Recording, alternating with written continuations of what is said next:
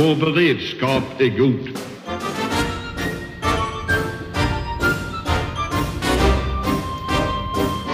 Och jag är med. Hej och välkomna till Höjd beredskap, en podd från Aftonbladet Ledare. Och idag har jag med mig på länk Amanda, Amanda Wollstad nerifrån Malmö. Johan. Och du heter Johan Viktorin eh, och är också på länk. Och vi har också en gäst med oss idag. Eh, välkommen eh, Oskar. Tackar. Vem är du? Eh, ja, Oskar Jonsson heter jag. Jag är väl i grunden Rysslandsvetare. Eh, för närvarande senior fellow på tankesmedjan Frivärd. Men eh, kommer börja ett nytt spännande jobb nästa vecka. Kan tyvärr inte avslöja det. Men ni får eh, följa mig där man följer mig. Så får ni reda på det. Med mycket hemliga jobb. Eh, du kan inte ge någon sån här sneak peek om det hemliga jobbet? Det är i utomlands. Är det i utomlands? Oj, oj, oj. Eh, orsaken till att vi har bjudit in dig är att du eh, innan, innan jul publicerade en text som heter The Russian Understanding of War, Blurring the Lines Between War and Peace. Och det är en vidareutveckling av eh, forskning som du har, du har gjort tidigare. Eh, och, och orsaken till att vi, vi vill diskutera den det är ju också delvis då att, att Säkerhetspolisen eh, igår, när detta spelas in, eh, på ett väldigt tydligt sätt pekade ut både Kina och Ryssland och också tog upp kopplingen till coronakrisen eh, och, och rent operativt, hur fungerar det här i den här så kallade gråzonen? Mm. Och plötsligt så befinner vi ju oss i det som alla har sagt under lång tid kommer att hända, en gråzon. Det är inte krig, man kan väl inte riktigt säga att det är fred heller som, som vårt samhälle ser ut just nu. Och då träder de här krafterna i aktion. Och då vill vi gärna bjuda in dig och så vill vi liksom ställa frågan, vad är det som händer? Och så tänkte jag att du kan kanske redogöra lite för, för den här rapporten, eh, avhandlingen först. Eh, och så går vi in på lite frågor och diskussion kring detta. Ja. Så kör hårt. Ja, nej, eh, man skulle till och med kunna eh, sticka ut eh, huvudet och kalla den bok. Eh, Men boken egentligen greppar med eh, och och forskningen som jag hållit på, någonstans kom idén redan 2012 och jobbade med 2013 till, till 2018 egentligen. Eh, Och sen så omarbetade jag till en bok 2019. Någonstans så greppar jag med den här frågan som, som hur ryska militärteoretiker och politisk elit förstår krig idag och vad är det som förändrar krig?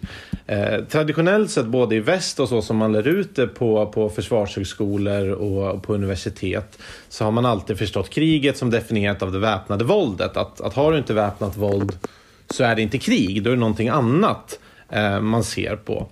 Men någonstans, eh, framförallt 2012-2014, så argumenterar jag att det har skett en enorm förändring då bland eh, de ledande ryska militärteoretikerna.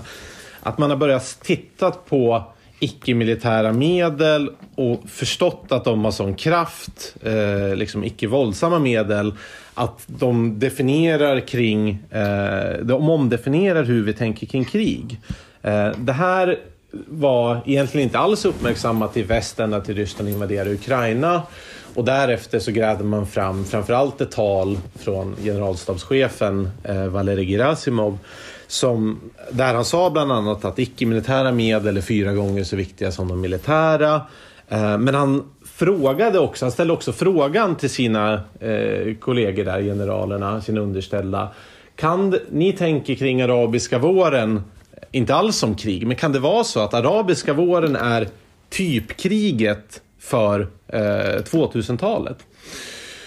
Och det man ser förändrar det här, de icke-militära medlen som är så viktiga. Eh, jag argumenterar att det är främst två, alltså det är informationskrigföring, informationspåverkan eh, och eh, politisk subversion och vad man i Ryssland ser som skapandet av färgrevolutioner. Och det är i essensen att man har sett att väst har blivit så skickliga på att egentligen hjärntvätta befolkningen, att få dem eh, att göra uppror eh, mot sina ledare. Och med färgrevolutioner så tänker man på den ursprungliga rosenrevolutionen i Georgien 2003, den orange revolutionen i Ukraina 2004 och i viss mån eh, tulpanrevolutionen i Kirgizistan 2005. Ehm, det här expanderade sen att, att, att inkludera arabiska våren. Där, som vi tänker att oj, det här var spontana eh, liksom uppror mot, mot sittande eh, autokrater. Medan de ser, nej, det här är dels väst som har lyckats liksom, hjärntvätta om idén att ja, men det här med demokrati är någonting som, som folk blir gladare och mår bättre av. Eh, till CIAs underrättelsearbete i de här staterna. Och självklart så såg man att det var precis det här som hände i Euromaidan.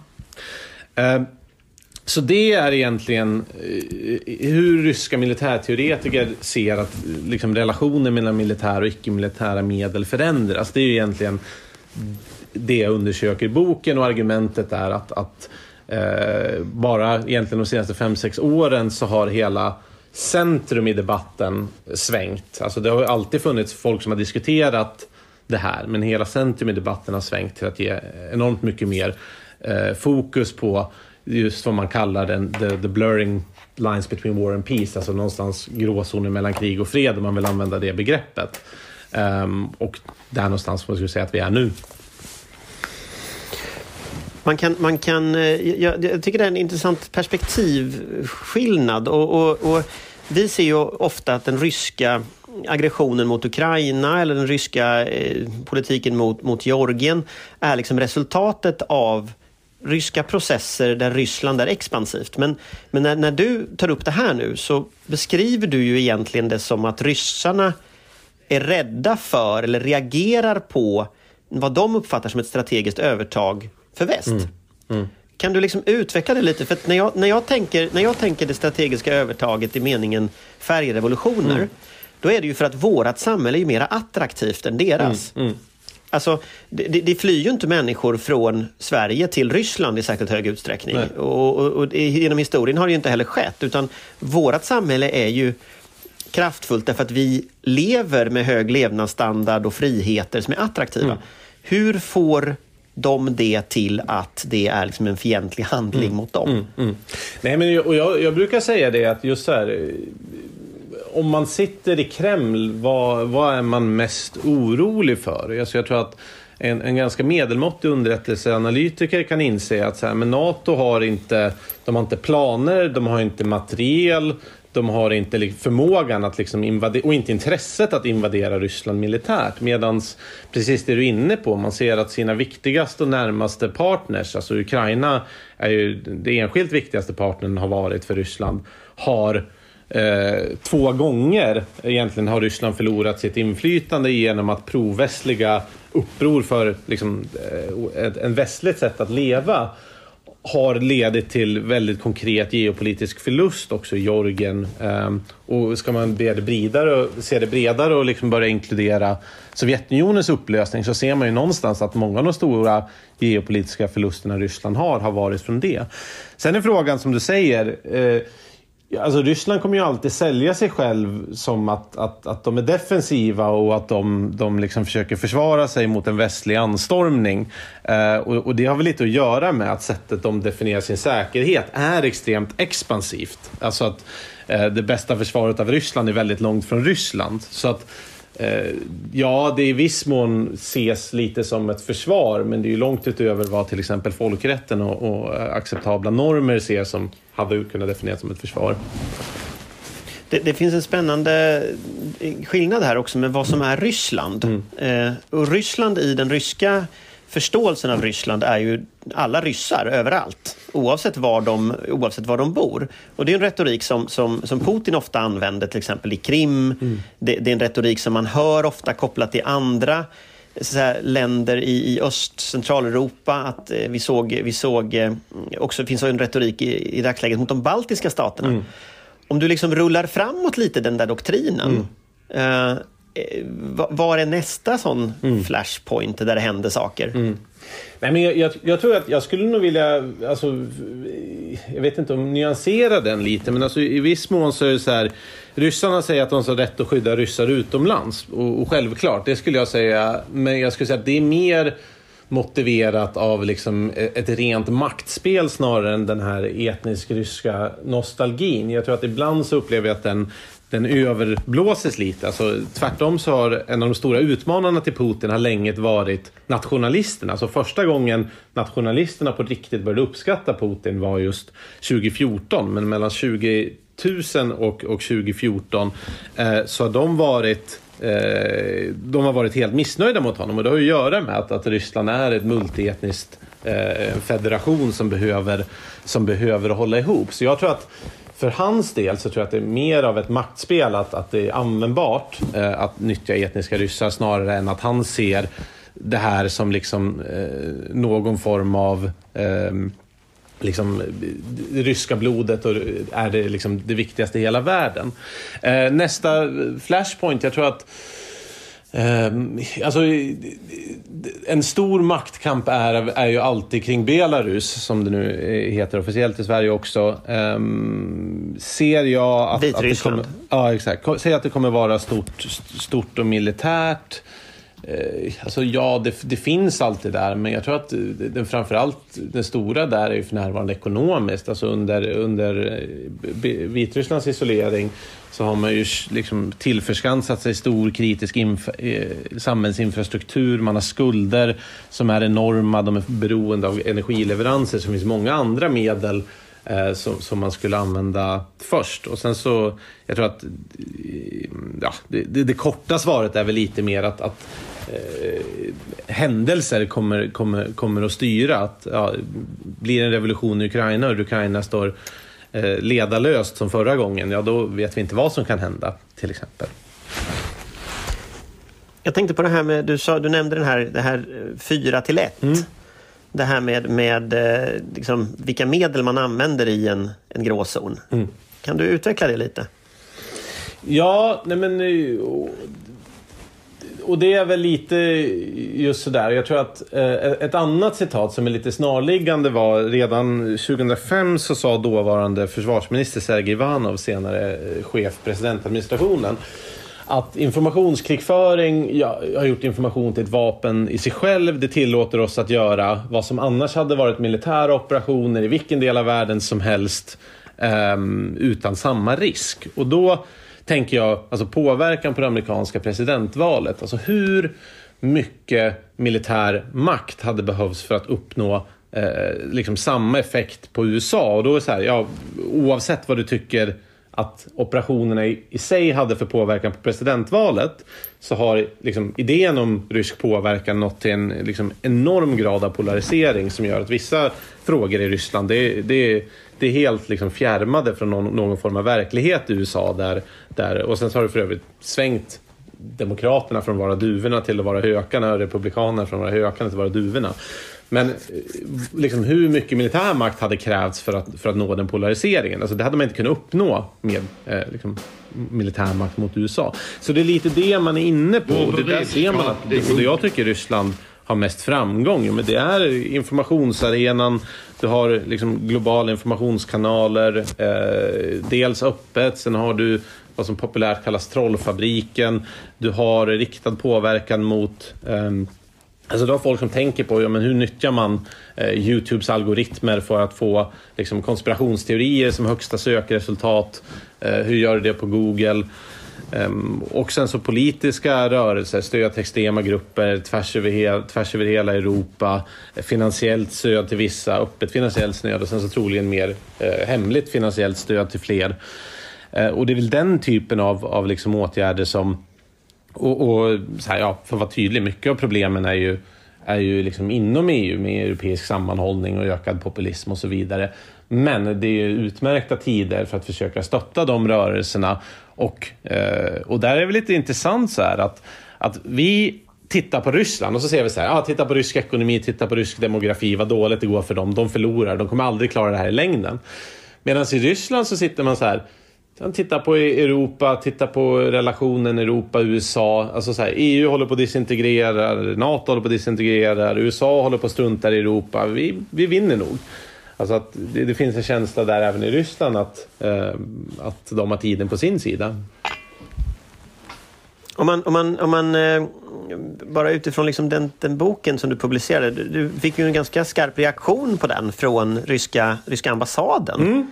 De var ju inne här och protesterade. Vad, vad var det som hände då? Ja, nej men det var... Eh, jag hade gjort en intervju i DI och sen så... Eh, ja, inget mer med det. Men sen så några dagar senare så eh, ser jag, taggar faktiskt ryska ambassaden mig direkt i ett inlägg och, och skriver att det är eh, fantasmagorisk idioti, vilket är ett ord jag aldrig hört användas på svenska. Antingen är det Google eller så de gamla ordböcker.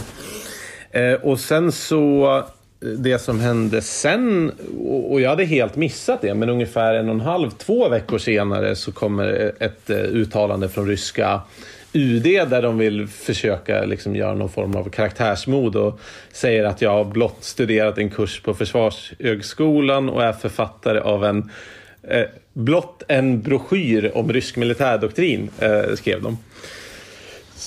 Så det var eh, det, var det. Och, och jag tror att jag tror att ungefär en vecka tidigare så hade jag fått pris av eh, amerikanska försvarsministern eh, och jag gissar att det är också kopplat till det. Att, att, det, var liksom, att det var det som registrerade att så här, alltså en vecka innan, innan ambassaden eh, skrev sitt inlägg. Hur känns det där då? Nej, men alltså, å ena sidan så, så är jag absolut inte förvånad utan jag har ju vetat att de har liksom följt och haft koll ganska länge. Eh, så det är, jag är inte, jag är inte förvånad så eh, och jag är inte så liksom, känslig som person heller utan jag tycker att det känns mest komiskt. Å andra sidan är det så här, ja nu är ju alltså, ryska UD inte bara liksom, en galen ambassad som man ser med, med, med Kina, att det finns en enskild ambassadör som gör elaka uttalanden nu och då, utan att de så här, nu, nu ger vi en, um, en offentlig varning. Det det som är intressant är ju att, eh, och jag behandlar faktiskt det i boken, det, fann, det finns ett avsnitt där från eh, Sovjetunionen när man pratar om revolutionär krigföring, eh, att ett, ett ledningsverktyg för liksom den globala subversionen då var hur Kreml använde sin informationskrigföring. Att då skickade man ut narrativen till alla lokala grupper i Afrika och så. Alltså vad de ska göra. Alltså det fanns som ett, som ett ledningsverktyg. Så, så alltså propagandan var ett ledningsverktyg. Att det var det här vi från Kreml vill att ni ska göra. Och i det perspektivet är det jätteintressant att se Ja visst, så här, ja, ryska utrikesministeriet gör ett uttalande, ja fine. Men det intressanta är att se vilka följer efter. Alltså vilka börjar? Kommer liksom de här eh, alt-right-sidorna eller kommer liksom, ja, vem kommer att hoppa på en och göra ett uttryck? Och då så ser man att och det blir extremt så intressant att se, ja, men vem följer, följer liksom ryska UDs uppmaning? Vem, vem, vem följde det? Jag, jag har inte sett så mycket av det. Alltså, är det någon i Sverige som har följt eh, med? Liksom? Eh, en så... Man brukar prata om nyttiga idioter som liksom, ja, eh, exakt.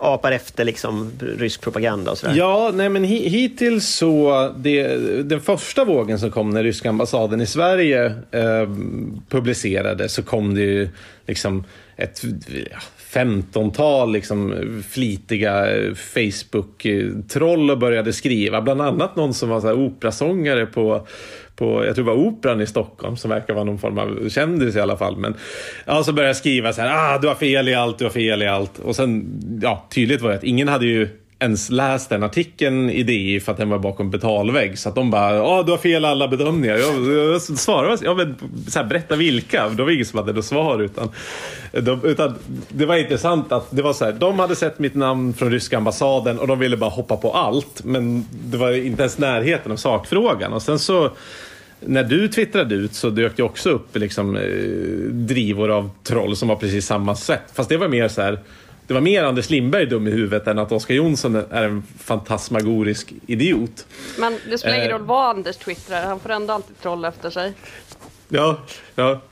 Nej, så att, så att ja, det ska du nog inte ta för allvarligt.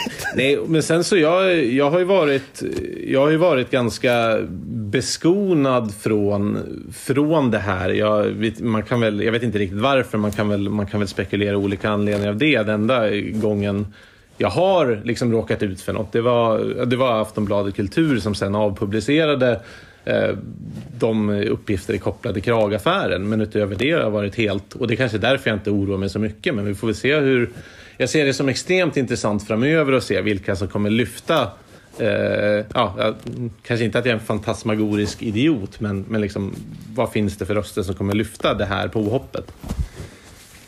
Ja, det är intressant att se.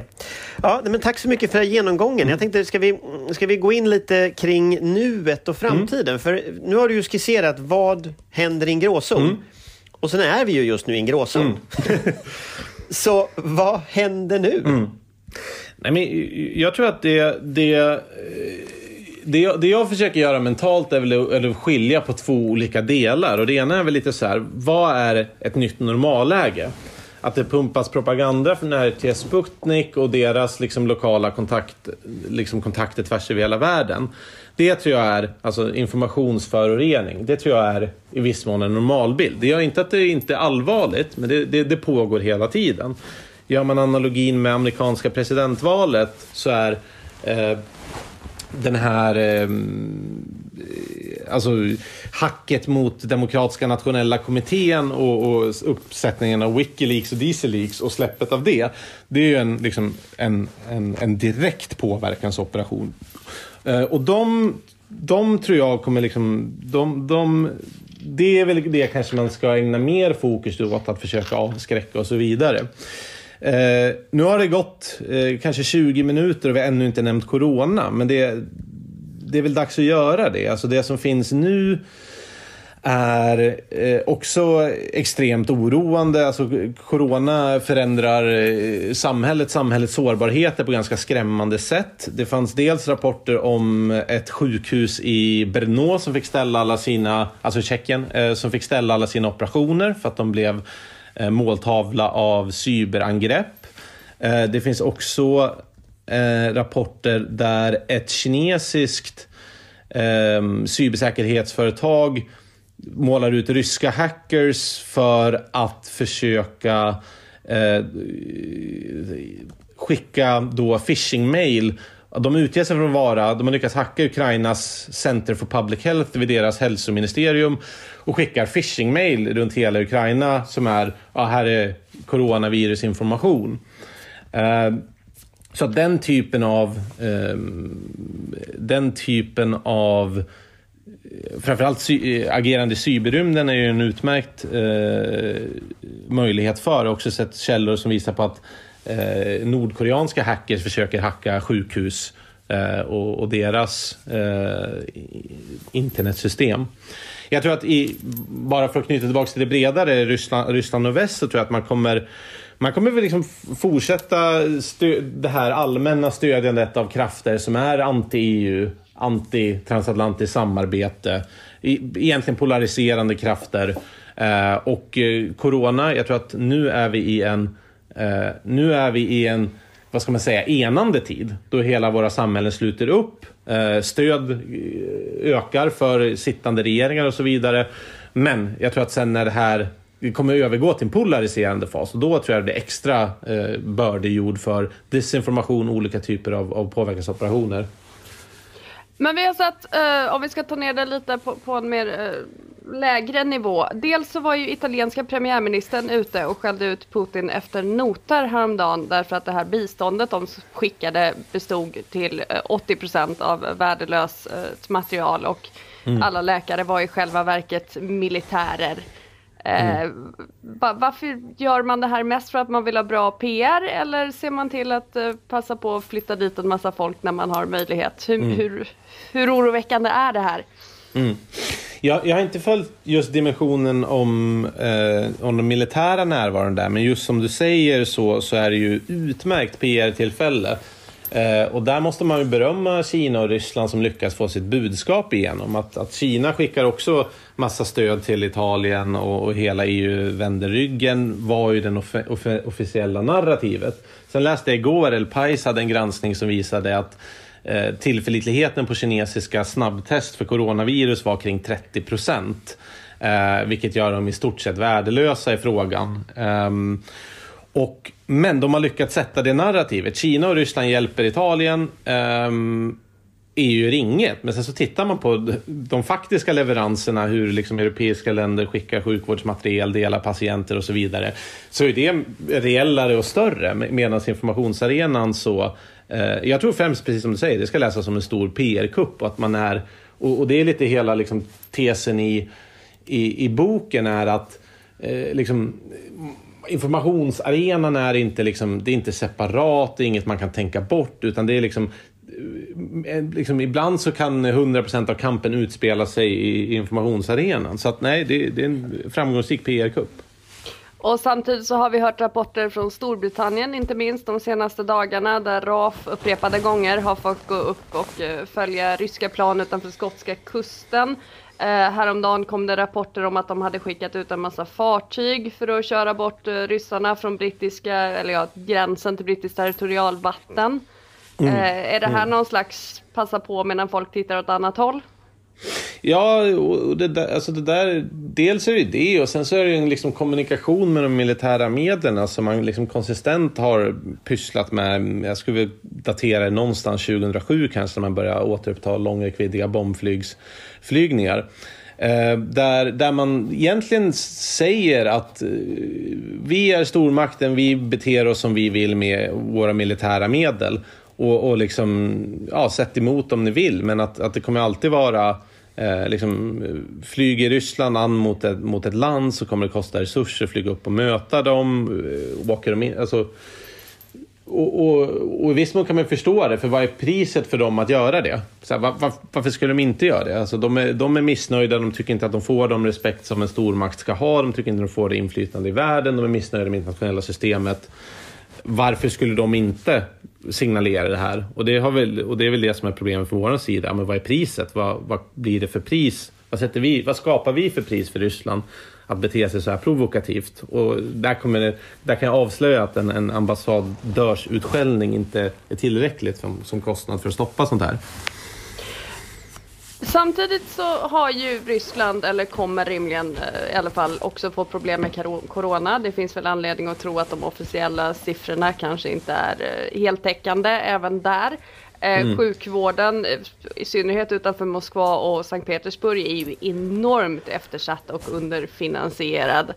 Mm. hur hanterar Putin det här internt när folk börjar dö av och finns det någon risk att han kommer vilja distrahera folket med någonting annat i ett krisläge? Nej, det tror jag inte. Utan jag tror att alltså, samma liksom, fundamentala, fundamentala liksom, statsvetenskapliga lag att, att eh, stöd för sittande ledare eh, ökar borde ju också... Alltså, han har ju ägnat mycket av, av liksom, sin presidenttid att verka som liksom, jag är ledaren i en, i en svår kris. Och sen så, det har varit luftslottskriser, det har varit riktiga kriser och så. Och när hela världen eh, har samma kris så, kom, så kommer det ju inte uppfattas som att oj, nu har han hittat på den här krisen. Utan tvärtom så är det ju det är ju väldigt tacksamt. Det är också ganska riskfrisk att han är den, den store förkämpen mot den här krisen. Nu samlar vi landet. Eh, det är ingen tid för liksom dumma oppositionister och börja protestera och göra det ena och det andra. Så att jag, min bedömning är att, att, att det kommer att stärka honom. Um, såvida inte Ja, det är två faktorer som inte skulle göra det. Att liksom ryska döda vida överstiger jämförbara länder. Och precis det du säger, att det kommer ut att det har mörkats för mycket, för tydligt och har lett till för många döda. Då tror jag att det kan bli um, en rejäl kris. Och eh, medan eh, vi är inne på mörka saker, eller media har ju ibland lite svårt att fokusera på mer än en sak samtidigt, både i Sverige och resten av västvärlden. Just nu är det väldigt mycket corona. Vad händer i exempelvis Ukraina just nu? Eh, jag har faktiskt, eh, jag antar att det är en sån här trickfråga eftersom du frågar. Jag har faktiskt inte sett någonting speciellt eh, som, jag har, eh, som jag har noterat så jag får bolla fråga tillbaka. Jag, nej, det var ingen det trickfråga. Jag, jag tänkte mer... Nej, jo, Johan, Johan tror jag har sett lite. Ska Johan säga? Ja, man har ju förvägrat oss observatörer tillträde med hänvisning till corona. Mm. Mm. Men finns det någon risk att det kommer bli ökade spänningar där när vi är eh, upptagna på annat håll? Tänkte jag mer. Ja, alltså det är väl lite frågan. Nå någonstans måste man börja med att jag tror utvärdera vad, vad den ryska målsättningen med Ukraina är. Och jag tror att eh, jag tror inte alls på något sätt man är, man är intresserad av att liksom, ta mer mark eller så. Utan jag tror att om vi kopplar tillbaks lite till vad, vad Anders sa i början. Att, att någonstans så, så, så är liksom rädslan är att de här länderna blir liksom fungerade, integrerade, liksom västliga, stabila stater. Så att som jag läser så en av drivkrafterna Ryssland har i Ukraina är egentligen se till att Ukraina fallerar. Uh, och, och, för det så har man dels liksom konflikten och dels har man förhandlingen av konfliktlösningen som syftar till att ge uh, Ryssland via de nominellt självständiga republikerna någon form av veto i Ukrainas politik. Så jag tror att uh, jag, jag, jag, ser inte framför mig att man skulle tjäna jättemycket på att göra en offensiv som tar flera republiker. Samtidigt vill jag inte på något sätt utesluta någonting, precis som du säger, att eh, nu all media strålkastar ljus på ett ställe och där det inte är finns det stora möjligheter att göra saker som, som, är, som inte kan konkurrera med corona. Ska vi se om vi kan få med Johan lite mer? Jag vet inte, det, det är cyberrymden lite svår när det gäller att Nej då, jag sitter och, sitter och lyssnar här. Jag tycker att det är otroligt intressant att höra på Oskar. Eh, ryssarna har ju en, en alltså Oskar, de har ju en bild av att vi redan befinner oss i en informationskonfrontation. Mm. Så att för dem så pågår det här ju för fullt. Mm. Eh, och, och, men vi vill ju inte riktigt förstå det. Nej. Kan man ju säga. Men å andra sidan om man kopplar det till svenska förhållanden så skulle man kunna säga att egentligen har de inte varit särskilt framgångsrika här. Mm. Om man tänker på, när det gäller just informationskrigföringen, om man tänker på att den fördel det innebär att ta initiativet i de här frågorna mm. och den fördel det innebär att de, de har en centraliserad styrning och satsar väldigt mycket resurser på detta så får de ju väldigt lite utväxling. Mm. Och det kan ju kanske bero på att A. Vi är medvetna. B. Att vi har haft en god ekonomi. Och du var ju inne på det sen för att efter den här krisen så kommer vi ju inte ha lika bra ekonomi under, mm. under en period och då ökar ju möjligheterna. Mm. Mm. Ja, nej, men jag skulle bara lägga till det. Jag, Eh, och, och, nu, kommer, nu får, kommer min akademiska sida eh, smärta lite för jag kommer säga någonting som inte är falsifierbart då. Men jag tror att vi fundamentalt sett inte riktigt kan bedöma hur stor, alltså, hur, hur, stor den ryska informationspåverkansoperationen är och hur den lyckas. Med det menar jag lite så här att ja, man startade Sputnik på svenska och, och, det var larvigt, hade tusen läsningar någonting per artikel. Sen la man ner det nio månader senare. Det betyder inte att, att, att eh, liksom Ryssland la ner sin informationspåverkan utan jag tror snarare eh, man skiftar till andra medel. Att, att så här, ja, Ryssland som avsändare funkar inte i det svenska politiska klimatet för där har vi eh, liksom en, en, ganska bred sammanslutning att så här, ja, men det här är dåligt. Um, hade jag försökt liksom påverka det, det svenska eh, medieklimatet som, som, eh, som utrikesmakt, ja, men då hade jag försökt bygga relationer med olika typer av alternativmedia. Antingen eh, troligen dolt, alltså så att man inte vet vem avsändaren är och därtill skickat extremt mycket anonyma tips till, till etablerade nyhetsredaktioner. Så att, och, och, I och med att jag säger det, så här, ja, det, det går inte att veta. Eh, och, och det, det, är väl lite dåligt ur ett liksom, akademiskt perspektiv. Men jag tror att, att det, man måste tänka på det sättet också kring informationspåverkan. Och där har vi liksom en, en en samtida liksom, debatt, mediasamhälle som alltid är storm i vattenglas och liksom, Thomas Bodström har på sig en, en, en indianhövding-luva. Eh, nu, nu måste han avgå. Alltså den typen av drev och eh, allting kan bli liksom, ja, allting kan bli ett drev. Jag tror att vi är ganska sårbara för den typen av liksom dold påverkan. Um. Mm, nej men absolut, de eh, har ju definitivt andra metoder som du själv var inne på innan också med, med eh, alltså påverkan direkt på personer, mm. eh, alltså individer. Mm. Eh, på olika sätt. Eller det kan vara just dold finansiering och också halvdold finansiering. Mm. Mm. Exakt. På olika sätt. Men om, om man rullar lite framåt nu då? För du, du sa det här med att vi går i en enad fas nu när samhället håller ihop.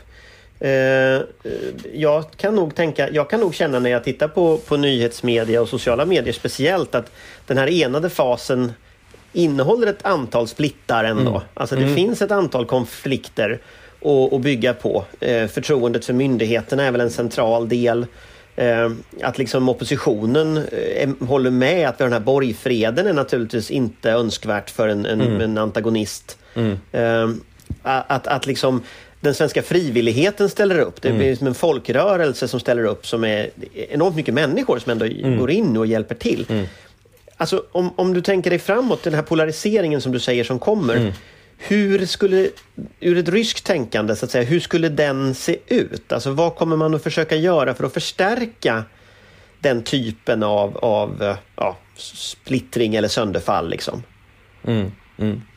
Nej, men jag, jag, tror att eh, det, dels bara kunna säga, absolut, jag ska inte säga att, att, att liksom, det nuvarande samtalet saknar konfliktlinjer, men, men jag tycker att någonstans så tycker jag att det är helt eh, liksom, godtagbara liksom, saker att diskutera i viss mån. Alltså bland, bland, nu pratar jag om det etablerade samtalet. att Eh, Folkhälsomyndigheten har rätt, Folkhälsomyndigheten har fel är ju en diskussion.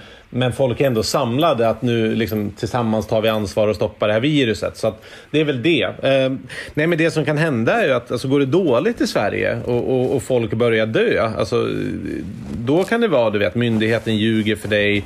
Alltså, det, dels så finns det de vanliga konspirationsteorierna vem som skapade viruset. Men, men Eh, det kan vara... Eh, och här blir det ju alltid målgruppsanpassat gentemot vilken målgrupp man pratar till. Men, men eh, liksom det kanske på, på, på vänstersidan kan det vara nej men staten skiter i ditt liv, vill döda dig för att rädda eh, liksom kapitalets aktieutdelning. Det kan jag ju tänka mig ett narrativ som får fäste. Um, på liksom, ja, ja, jag har, inte, jag har inte riktigt tänkt igenom det, så jag har inte så liksom genomtänkt. Men jag tror att eh, liksom, går vi in i en ekonomisk kris så finns det ju en liksom, enorm mobiliseringsmöjlighet bland... bland eh, alltså det, man kan ju läsa i veckan eh, artiklar med, med rubriken typ nu är min, jag är mellan 20 och 30, men nu är min framtid borta. Liksom. Um, alltså den, den liksom, och om man köper den ekonomiska materialistiska förklaringen till populism så, så ja, som, en, som en bekant brukar säga, att jag, tror att jag tror att Sverige kan vara redo för en Salvini-typ eh, snart.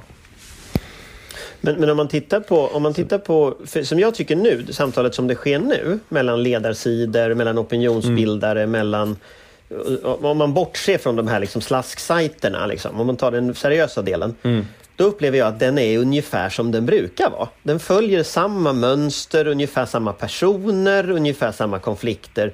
Och jag tycker inte den har farit iväg egentligen åt något håll. Eh, snarare tvärtom, den har blivit lite mer försiktig. Människor tar ett ganska stort ansvar, liksom, eh, som jag upplever att det gör. Eh, mm. Men och, och sen slasksajterna är ju slasksajter, liksom. de kommer väl att köra som de gör. Men, men jag tänker på Kommer en sån där, ett sånt där angreppssätt som du säger, kommer det att vara effektivt i det svenska samhället? Jag menar ryssarna destabiliserar, gör vad de kan, svenska extremistgrupper gör vad de kan. Kommer det att funka? Mm. Eller vad kan vi göra åt det? Liksom? Mm. Men vi, vi, Vänta, vi Johan, är väl beroende lite grann av vad som, vad som de facto händer så att säga. Mm. Så blir det många döda som det sticker iväg och vi pratar om liksom italienska siffror. Då är det en sak. Om det är eh, alltså hanterbart, om man får uttrycka sig på det mm. sättet, i antal dödsfall och det blir en djup lågkonjunktur, ja då inser ju alla att vi själva är ett offer för liksom omständigheter som vi inte själva kan påpeka det är svårt, eller påverka. Mm. Då blir det ju svårt att lägga skulden på vad regeringen har gjort eller inte gjort eller vad förra regeringen gjorde eller inte gjorde. Utan då, då, förstår ju alla, då finns det mindre grogrund för de här sakerna. Så rör man sig bara i de två fälten så, så talar väl ganska mycket för att man ska kunna reda ut det där också tror jag. Men det allvarliga blir ju om vi ovanpå detta nu, vi är faktiskt fortfarande bara i början. Om vi tänker oss en månad eller två framöver får en säkerhetspolitisk kris i kölvattnet av den här coronapandemin. Mm då kan det se helt annorlunda ut för då kan man bli tvungen att ta ställning till saker och ting. Och det kan bli väldigt konkret. Vi pratar ju här om fartygen i Nordsjön och, och eh, brittiska kanalöarna när man gör maktprojiceringar från stormakterna. Eh, jag bara får lägga till lite där. Alltså, kan det vara effektivt? Där, där någonstans så liksom, Problemen är ju ofta liksom reella existerande hemväxterna som man försöker liksom elda på. Och, och på den månen är det så här, ja, det är väl en empirisk fråga att eh, Alltså, tittar man på amerikanska presidentvalet, när, när Hillary ledde som störst, det var när eh, DNC-mailen producerades. Och eh, liksom, ja, valet i USA avgjordes av liksom, ungefär 70 000 röster i tre stater. Um, och det där, eh, liksom, det där hade en distinkt påverkan. Den kom samtidigt som Trump hade sin största motgång eh, Eh, med Access Hollywood-bandet när det släpptes. Men, men jag, tror att, jag tror att det man ska tänka på, det liksom den utrikiska påverkan, är att ja, men det kan ha en, liksom en, en liten påverkan i marginalen, men det kan vara... Eh, jag använder en, en metafor i min bok som jag är ganska missnöjd med, men nu är den där och den kommer vara där för alltid. Men så här, alltså en liten bank kan ge konkurs till en stor bank och en stor bank kan ge konkurs till ett land. Och det är väl lite det Alltså så man får tänka med det här. Alltså man kan få påverkan till exempel ett parti och en person i ett parti kan ändra hela partiet och hela partiet kan ändra liksom hela riksdagens inställning och så vidare. Så att eh, någonstans är det ju svårt för att det pågår liksom i väldigt bred front. Eh, ofta ganska liksom, ineffektivt eller ganska abstrakt men i, i, vissa tillfällen kan det bli extremt konkret. Och framförallt som Johan säger, ja, men ser man en större säkerhetspolitisk kris och blandar in militära medel och andra medel så, så, kan, eh, så kan väldigt mycket hända.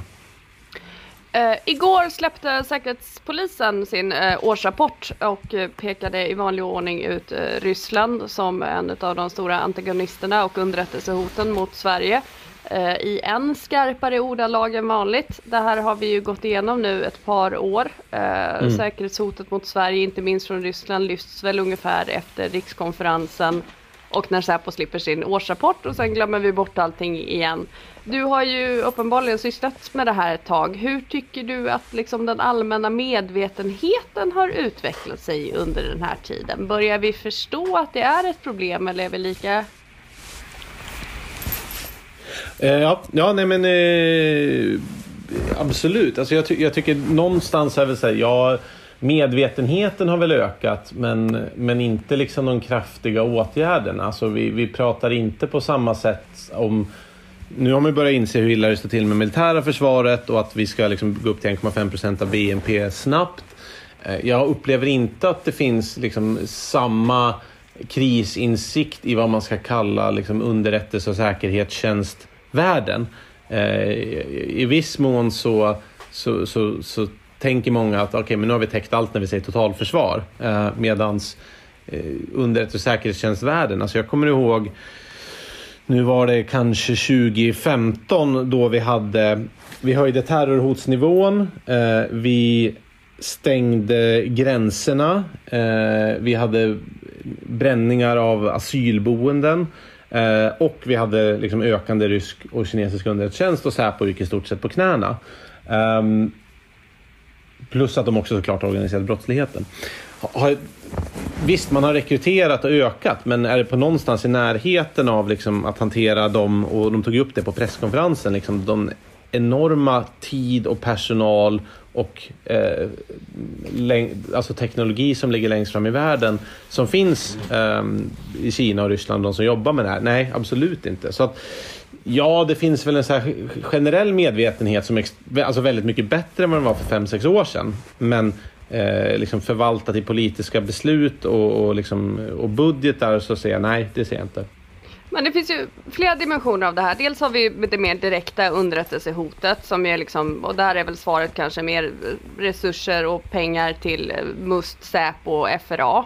Sen har mm. vi också det här äh, mediala hotet eller vad vi ska kalla det, desinformationskampanjer som ju kanske inte riktigt faller under dem och MSB mm. har ju inte riktigt resurser Behöver vi återinrätta, återinrätta Styrelsen för psykologiskt försvar eller vad ska vi göra för att, att komma ifatt? Mm.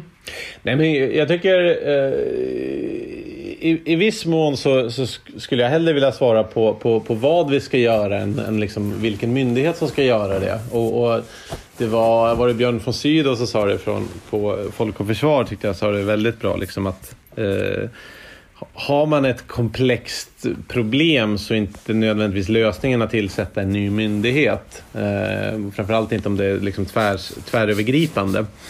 Eh, jag, jag tror att det som jag tycker är mest det bästa sättet att tänka kring informationspåverkan det är ungefär så här att eh, informationen i, ett samhälle som baseras på yttrandefrihet, den är fri, det är fine. Eh, liksom normaldistributionen av liksom, åsikter som finns i Sverige, det Eh, går från liksom, konspirationsteoretiker till helt legitima åsikter. Och det, det är fine, så ska det vara det som informationspåverkan är, är ju metoder som amplifierar eh, liksom illegitima budskap. Och det är det man ska alltså, fokusera på Eh, och försöka titta på och slå ut egentligen. Det är inte så här att folk ska inte, inte få säga att, att liksom, eh, jag vet inte, Bilderberggruppen eh, gjorde corona eller styr världen eller något sånt där.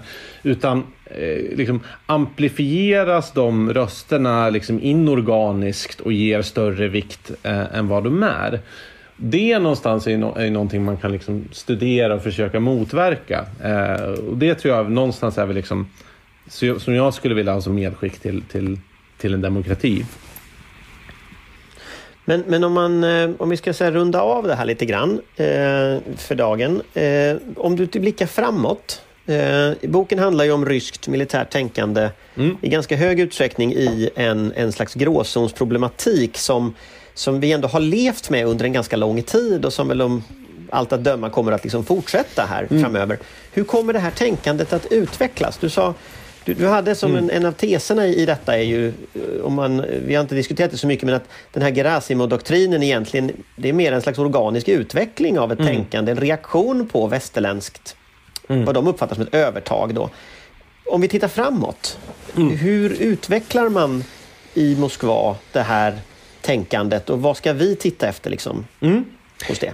Nej, men jag tror att alltså, mycket av det jag beskriver eh, är inte liksom någon revolution av militära teknologier utan mycket av det är en evolution som följer hur samhället har anpassats. Alltså, eh, efter, efter Georgienkriget så, så insåg Ryssland att oj, hela den globala mediediskussionen är kritiska mot oss. Eh, vi måste göra något. Och det var därefter man ökade finansieringen till RT och öppnade RT på arabiska, RT på spanska, RT på franska, RT UK och RT US. Och så här, ja men vi måste nå ut med det i internationell media. Ehm, efter arabiska våren så såg man som till stor del var koordinerad på sociala medier. Så säger man, oj, det finns en enorm kraft i sociala medier. Nu bygger vi upp en trollfabrik som vi får ut vårat budskap eh, på, på, sociala medier. Eh, och jag tror att man har insett att, att liksom mycket av det, så som vi formar vårt intryck av världen, vad som är rätt och fel, vad vi ser, bestäms av ett fåtal algoritmer i ett fåtal stora sociala medieföretag, alltså Facebook, Twitter, Youtube, eh, Google. Eh, så att det man har funderat på är ja, men hur, hur anpassar vi oss? Alltså ganska, det, det är egentligen en väldigt liksom, osentimental konsekvensanalys. Ja, var formas folks eh, uppfattningar? Ja, det är här och här och här. Eh, Okej, okay, vi måste göra någonting här. Eh, man ser mycket påverkan på Instagram till exempel. Dels valet 2016, dels att man bygger upp en infrastruktur nu för att påverka valet 2020. Så att jag tror att det är, eh, och det är väl det här som är det svåraste någonstans, att, att, att ta eh, folk som har, alltså ta framförallt militärer, som liksom kanske har skjutit artilleripjäser i 40 år och sen ska man börja förstå hur, hur liksom revolutionen i informations och kommunikationsteknologier förändrar samhället, makt eh, distribution och göra en påverkan på det. Men det är lite av liksom, det är den debatten jag har försökt fånga i Ryssland. Så jag tror att eh, i, i viss mån så så liksom förändras de militära affärerna nu och där är väl egentligen framförallt ökad grad av autonomi, eh, hypersoniska kryssningsrobotar som kanske är det mest intressanta. Men det är ganska mycket evolution medan mycket av det som har fått mest uppmärksamhet snarare är samhället förändras och eh, ryska strateger uppdaterar sin approach efter det. Så eh, håll ett öga på Men det. hur, hur, mitt hur, hur, men hur undviker Sverige då att göra den här... De brukar ju alltid säga att militärer utkämpar alltid förra kriget liksom. Eh, och planerar för förra kriget hela tiden. Alltså hur undviker vi det då? Ja, alltså, och, och, och det är väl lite problemet att, att eh, det, det, här, det här kan inte bara vara eh, militären militärerna utan militärens unika mandat är ju liksom eh, leverera organiserat eh, fysiskt våld. Jag, jag, har, jag har länge till exempel agerat för ett, eh, argumenterat för ett, för ett säkerhetsråd. Att man behöver, alltså en säkerhetsråd med analyskapacitet, att man behöver sitta med Alltså de olika statsråden, att liksom justitieministern, försvarsministern, utrikesministern eh, behöver sitta och titta på Oj, här har vi en liksom, påverkanskampanj mot oss som sträcker sig i informationssfären till den militära sfären, till underrättelsesfären eh, som riktar sig mot det här. Och någonstans med syftet att vi måste möta rysk strategi, inte bara liksom, en operationslinje för operationslinje. För då blir vi alltid reaktiva och, eh, och sist. Det tror jag är helt rätt. Och sen finns det ju också ekonomisk krigföring.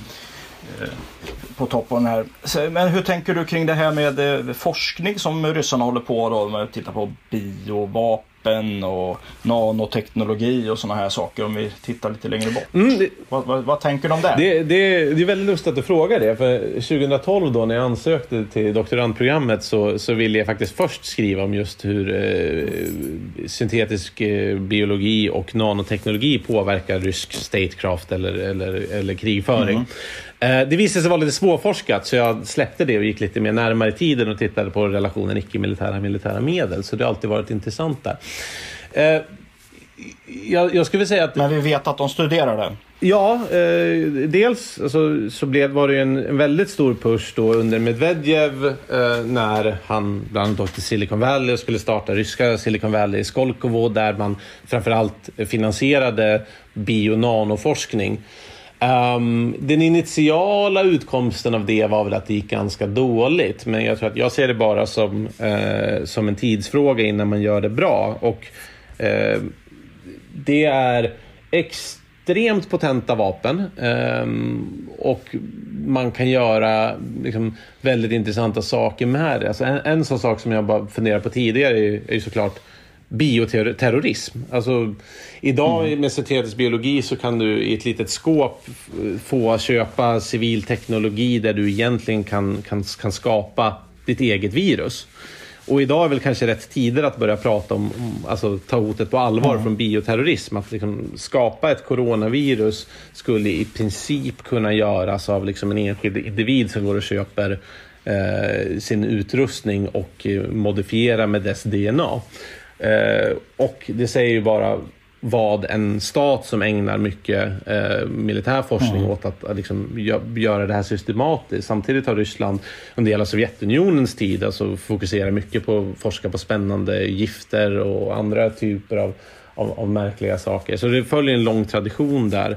Ehm, jag, jag har liksom i- inget mer att säga än att det, det kommer vara väldigt potent och väldigt läskigt och, och är svårt att veta hur man ska liksom, göra någonting åt det.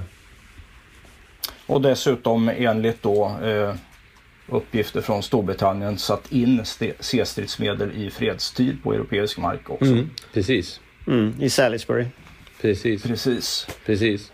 Om jag, får ta, om jag får ta ett medskick så är det ju det här med att eh, sätta sig till motverkan. Alltså en handling. Du, Claes Friberg, du var inne på det och Claes Friberg sa ju det igår att, att medvetenheten hade ökat, det hade, han, det hade de sett. Men däremot så hände det inte så mycket och gapet då mellan säkerhetsskyddet och hotet ökar hela tiden.